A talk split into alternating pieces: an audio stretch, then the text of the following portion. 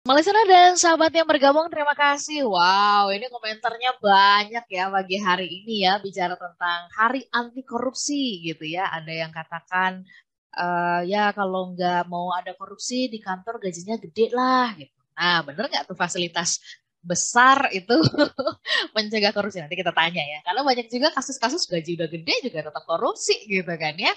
Lalu kemudian uh, ada yang mengatakan uh, ini dia ya dari Pak Agung ya yang bergabung bersama kita dari Yogyakarta. Pengalaman Pak Arfan ya, saya beberapa kali punya kafe itu akhirnya bangkrut karena karyawan korupsi gitu ya.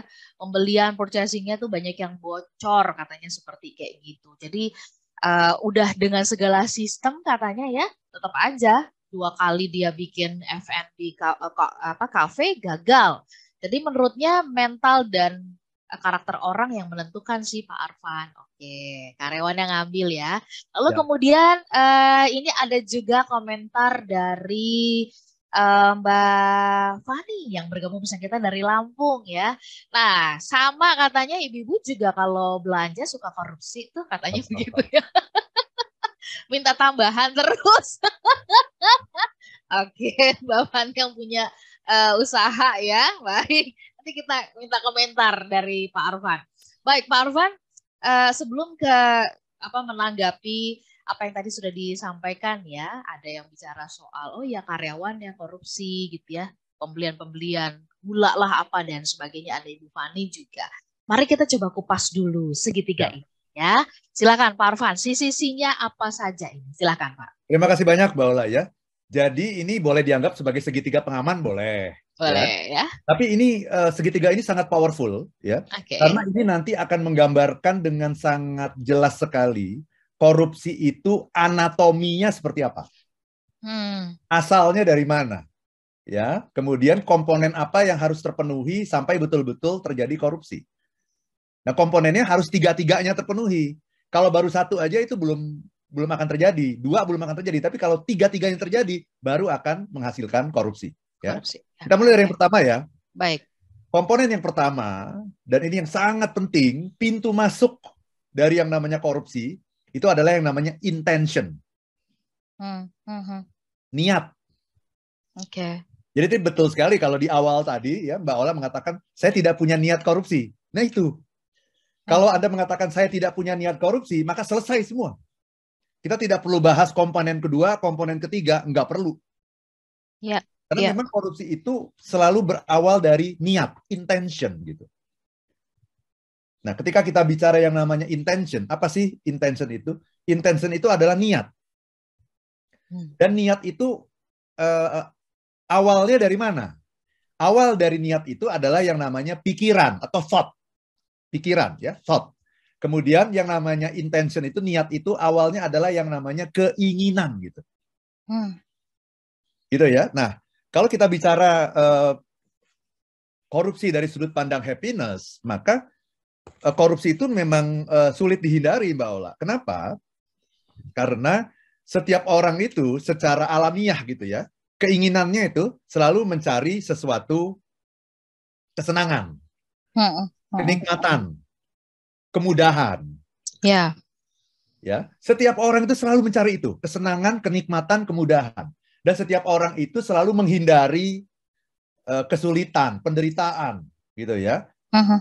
Jadi memang secara nature orang itu kepingin sesuatu yang nikmat, yang menyenangkan, yang uh-huh. mudah-mudah saja. Ngapain harus usaha repot-repot gitu kalau bisa sesuatu yang mudah gitu. Nah uh-huh. ini kalau dari sudut pandang happiness tuh se- seperti itu. Ini yang menciptakan keinginan gitu bahwa oh ada sesuatu yang menyenangkan, ada sesuatu yang nikmat gitu. Itulah yang namanya korupsi. Nah yang kedua dilihat juga kalau dilihat dari sudut pandang happiness, kenapa kita sering kali punya pikiran-pikiran atau keinginan untuk korupsi? Karena dalam diri setiap manusia itu berlaku hukum ekonomi. Uh-huh. Apa itu hukum ekonomi? Nah kalau kalau kita masih ingat pelajaran dulu di sekolah dulu ya, yang namanya hukum ekonomi itu adalah dengan pengorbanan sekecil-kecilnya, sekecilnya ya kan? menghasilkan keuntungan, keuntungan sebesar-besarnya. Ya, ya, ya. Setiap manusia itu punya keinginan seperti itu, bersifat efisien gitu. Jadi melakukan yang sedikit tapi hasilnya banyak. Itu kan merupakan kecenderungan setiap manusia kan. Makanya itu dirumuskan dalam sebuah uh, adagium gitu yang namanya hukum ekonomi gitu. Nah, yang menarik adalah ketika orang melakukan korupsi, itu dasarnya adalah itu karena dia ingin mendapatkan keuntungan sebesar-besarnya dengan pengorbanannya sekecil-kecilnya. Dan ketika dia bisa korupsi, maka ada sebuah perasaan yang dihasilkan. Bukan hanya senang, tapi menang. Hmm, hmm. Aku merasa menang karena aku mendapatkan sesuatu yang sebetulnya bukan hakku.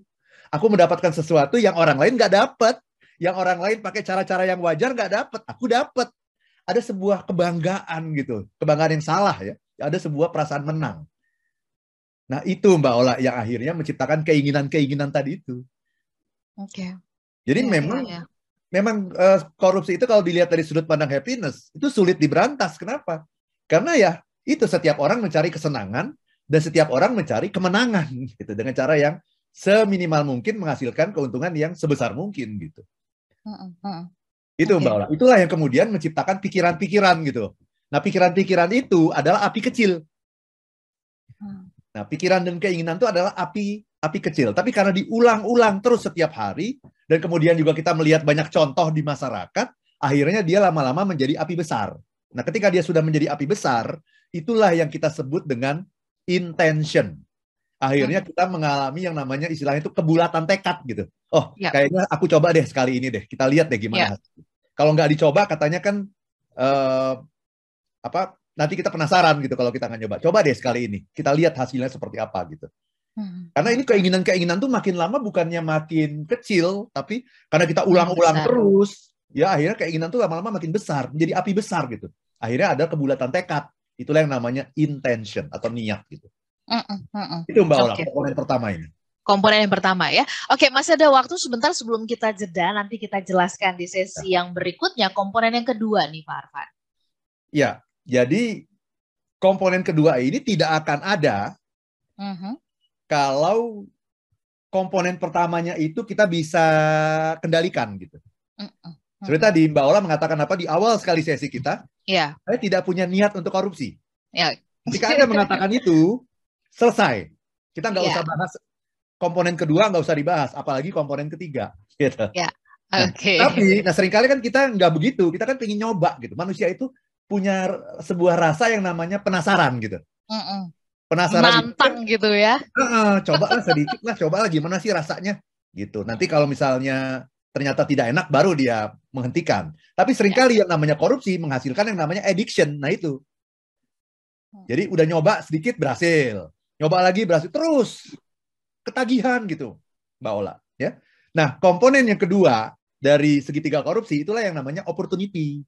Uh, uh, uh. Gitu ya. Jadi opportunity itu itu adalah faktor eksternal. Nah, kalau tadi kita bicara mengenai niat atau intention, itu adalah faktor internal ada dalam diri kita. Opportunity itu faktornya eksternal. Itulah yang dilakukan oleh KPK, itulah yang dilakukan oleh Kejaksaan Agung. Itulah yang dilakukan oleh pemerintah bagaimana mencegah terjadinya korupsi. Tetapi yang namanya faktor eksternal itu, Mbak Ola, secanggih apa pun sebuah sistem itu diciptakan, ya, yang namanya intention, niat itu akan mengalahkan segalanya. Hmm. Karena kalau kalau Anda punya niat, ya, intention itu di intention has legs. Yang namanya niat itu punya kaki-kaki. Dan hmm. ketika kita berniat, maka niat itu akan selalu mencari jalan, Mbak Ola. Oke. Okay. Secanggih yeah. apa pun, secanggih apa pun sistem pengamanan, prevention ya terhadap korupsi dibuat oleh KPK, Kejaksaan Agung dan sebagainya, secanggih apa pun, yang namanya niat itu akan selalu mencari jalan keluar. Iya. Dan nanti akan selalu ketemu tuh, ya. Yeah. Akan yeah. selalu ketemu nanti jalannya apa, entah dengan cara gimana, tahu-tahu bisa terjadi juga korupsi okay. gitu. Walaupun secara yeah. opportunity sudah ditutup sebetulnya dengan berbagai macam cara begitu.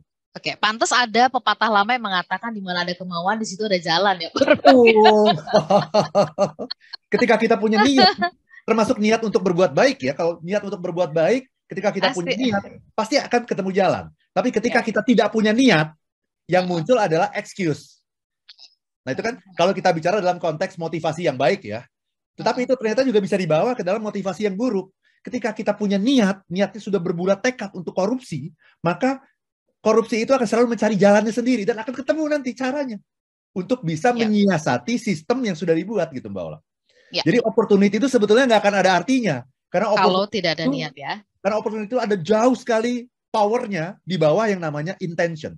intention itulah yang punya power yang sangat dahsyat itu. Itu Mbak Ola. Hmm. Oke, okay. baik kita akan bahas lebih jauh tentang opportunity dan kemudian bagaimana kalau ada kesempatan gitu ya di depan kita berhadapan dengan ini nih bagaimana memutuskan yang hati kecil sih enggak gitu ya. Tapi begitu dengar suara-suara dari kanan kiri itu banget sih lo nggak ambil kesempatan ini gitu ya. Kapan lagi? gitu gitu kan ada suara-suara seperti itu ya. Kita iya. bahas di sesi berikutnya.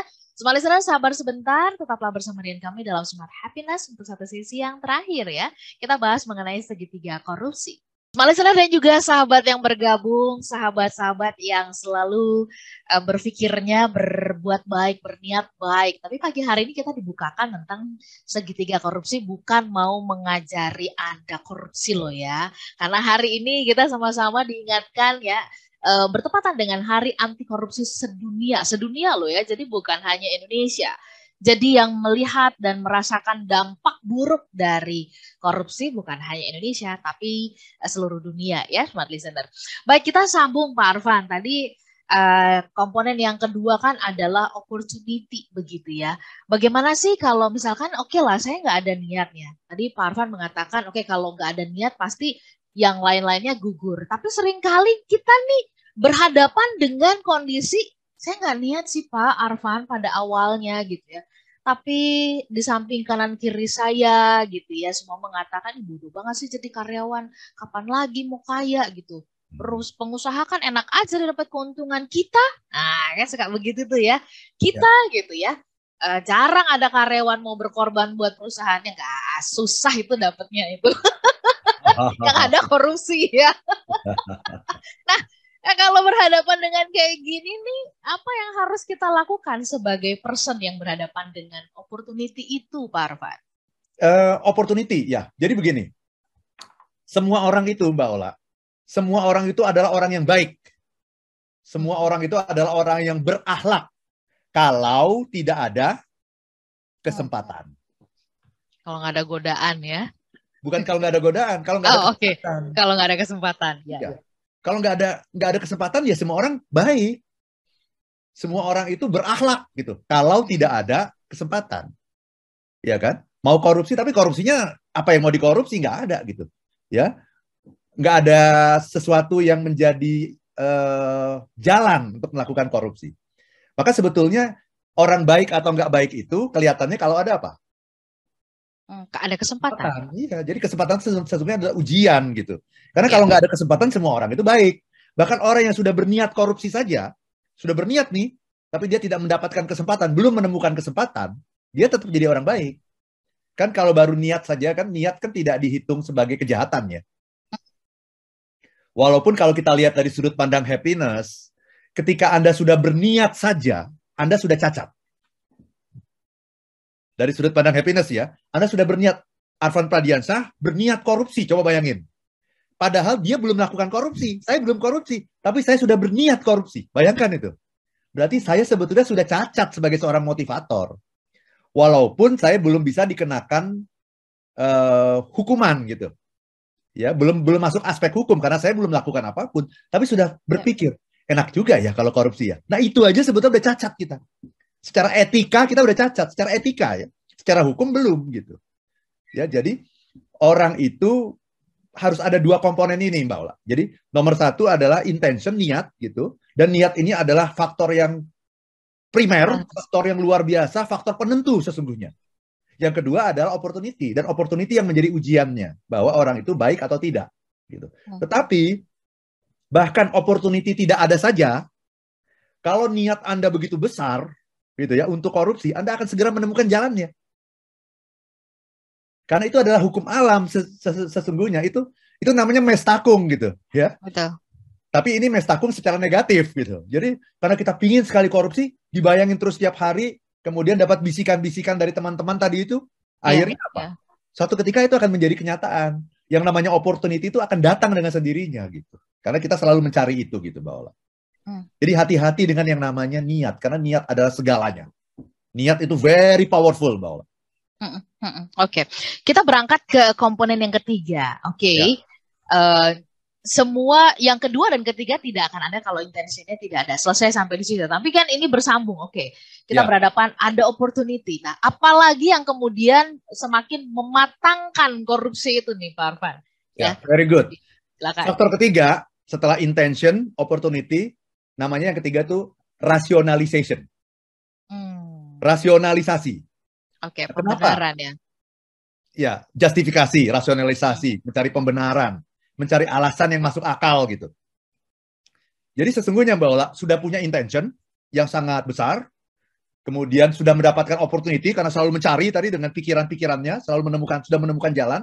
Tapi sebelum kita betul-betul melakukan korupsi, ada satu tembok, ada satu pengaman yang diciptakan oleh Tuhan supaya manusia tidak terjerumus ke dalam kejahatan dan ketidakbaikan. Apa itu pengaman itu? Itulah yang namanya hati nurani. Jadi kita udah mau korupsi nih, udah mau korupsi, udah berniat ya, udah udah berbulat tekad mau korupsi, mencari kesempatan akhirnya ketemu, sudah dua kan? Nah, kita udah mau korupsi nih. Belum tentu jadi. Kenapa? Ada yang namanya hati nurani yang selalu mengatakan, jangan begitu. Itu jahat. Kasihanilah orang lain. Kamu mengambil yang bukan hak kamu. Kamu mengambil hak orang lain. Ya, Ini bukan sesuatu yang disukai oleh Tuhan ini sesuatu kejahatan kemanusiaan. Itu kan selalu ada di dalam pikiran kita kan. Karena kan kampanye-kampanye anti korupsi juga selalu digaungkan di mana-mana. Di masjid, di gereja, di pura, di mana-mana. Kan selalu para uh, ahli agama, ustadz, kiai, pendeta, pastor, biksu, siapa pun itu selalu menggaungkan itu. Nah itu kan ada sisa-sisanya lah yang masuk di kepala kita kan. Dan juga ya. Tuhan memberikan hati nurani kepada kita. Apa itu hati nurani?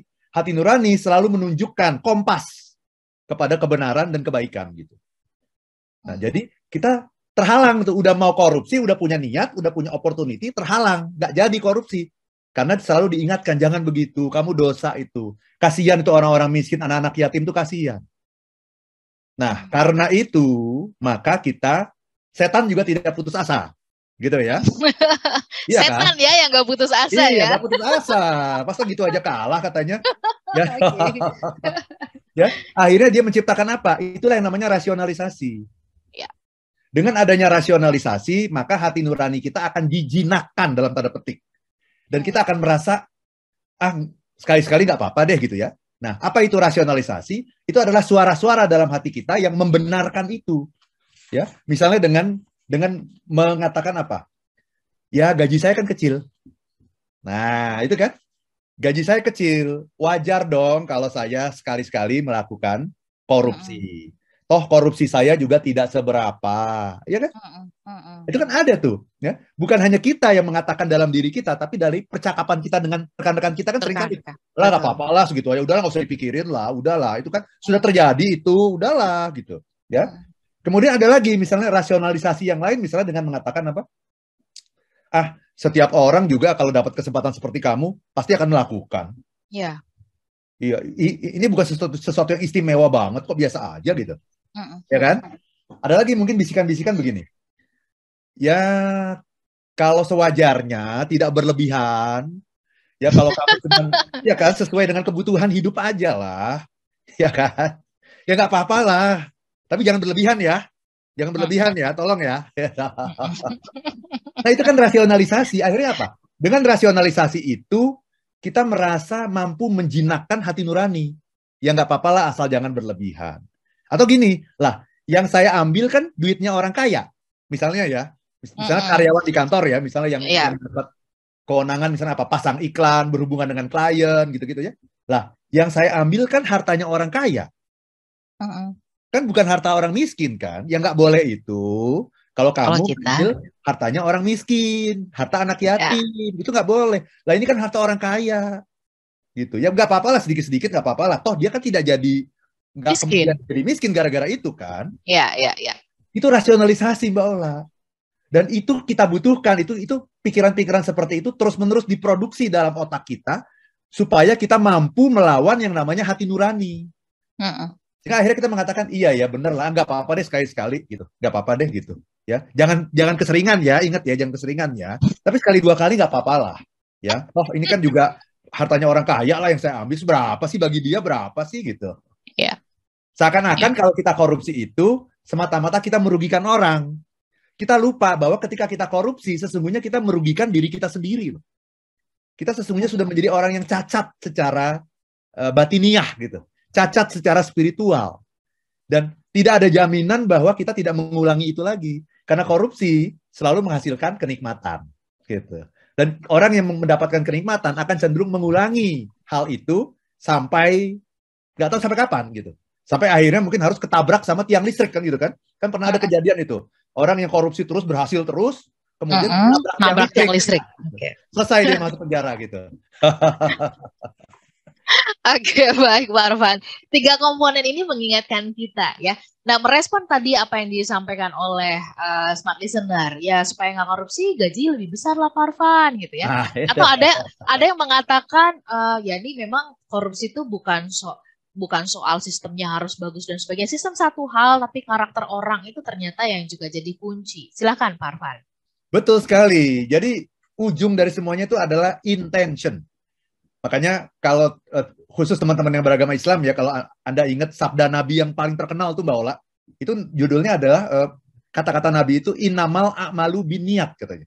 Wa innamal likulimri imanawa. Sesungguhnya nilai dari sebuah perbuatan itu adalah pada niatnya. Jadi yang diukur itu bukan perbuatan orang, tapi niatnya. Dan setiap orang tergantung dari apa yang dia niatkan. Nah itu sabda Nabi, salah satu sabda Nabi yang sangat terkenal gitu. Setiap orang itu tergantung dari apa yang dia niatkan. Dan itu terbukti gitu. Ketika kita berniat, maka walaupun opportunity ditutup, nggak peduli, kita akan cari. The intention has legs. Yang namanya niat itu punya kaki-kaki yang selalu mencari, selalu menemukan jalan gitu. Dan ketika kita berniat, niat ya. baik maupun niat jelek, Baula, maka kita mengirimkan sinyal ke alam semesta Ya. Dan nanti alam semesta akan membantu kita berkonspirasi untuk mewujudkan tujuan kita. The universe will conspire to make it happen. Hmm. Termasuk untuk hal-hal yang jelek ini gitu. Ya. Jadi ya. intention inilah yang menjadi concern dari kita. Nah, intention itu dasarnya dari pikiran. Hmm. Dasarnya dari apa? Keinginan. Karena secara pembahasan dari sudut pandang happiness, setiap orang itu menginginkan kesenangan, kenikmatan, kemudahan. Dan itu salah satunya bisa difasilitasi dengan yang namanya korupsi. Maka hati-hatilah ketika Anda sudah mulai punya keinginan, kendalikan keinginan ini. Uh-huh. Kalau kita bisa mengendalikan keinginan, keinginan adalah api kecil. Nah itu. Tapi sering kali kita mengabaikan yang namanya api kecil. Dan kemudian kita mengatakan, ah itu kan cuma sebuah pikiran saja. Hati-hati. Ya. Ketika Anda ya. berpikir, maka sesungguhnya secara spiritual Anda sudah cacat. Walaupun hmm. secara hukum Anda tidak bisa dipermasalahkan karena tidak melanggar aspek hukum apa pun. Tetapi secara spiritual, kita sudah membuka sebuah api kecil dalam diri kita yang nanti akan berkembang menjadi api yang lebih besar. Itulah yang namanya intention atau niat. Dan ketika ya. ada niat, opportunity akan terbuka. Dan ketika niat dan opportunity bergabung, maka kita akan melampaui yang namanya hati nurani itu dengan menciptakan berbagai rasionalisasi sehingga segala sesuatu menjadi kelihatan boleh menjadi hmm. kelihatan wajar dan masuk akal gitu. Kalau ya. korupsinya sekedarnya saja katanya gitu secukupnya gitu ya. Secukupnya saja.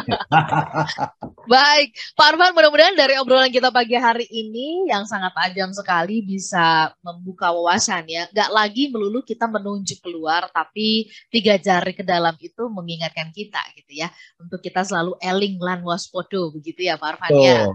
Betul, ya. Baik, sehat-sehat pastinya untuk smart listener ya, supaya bisa terus berkarya di mana pun Anda berada. Minggu depan kita akan jumpa kembali, demikian juga dengan Pak Arfan sukses senantiasa ya, sehat-sehat Pak Arfan. Kita pamit ya Pak Arfan ya.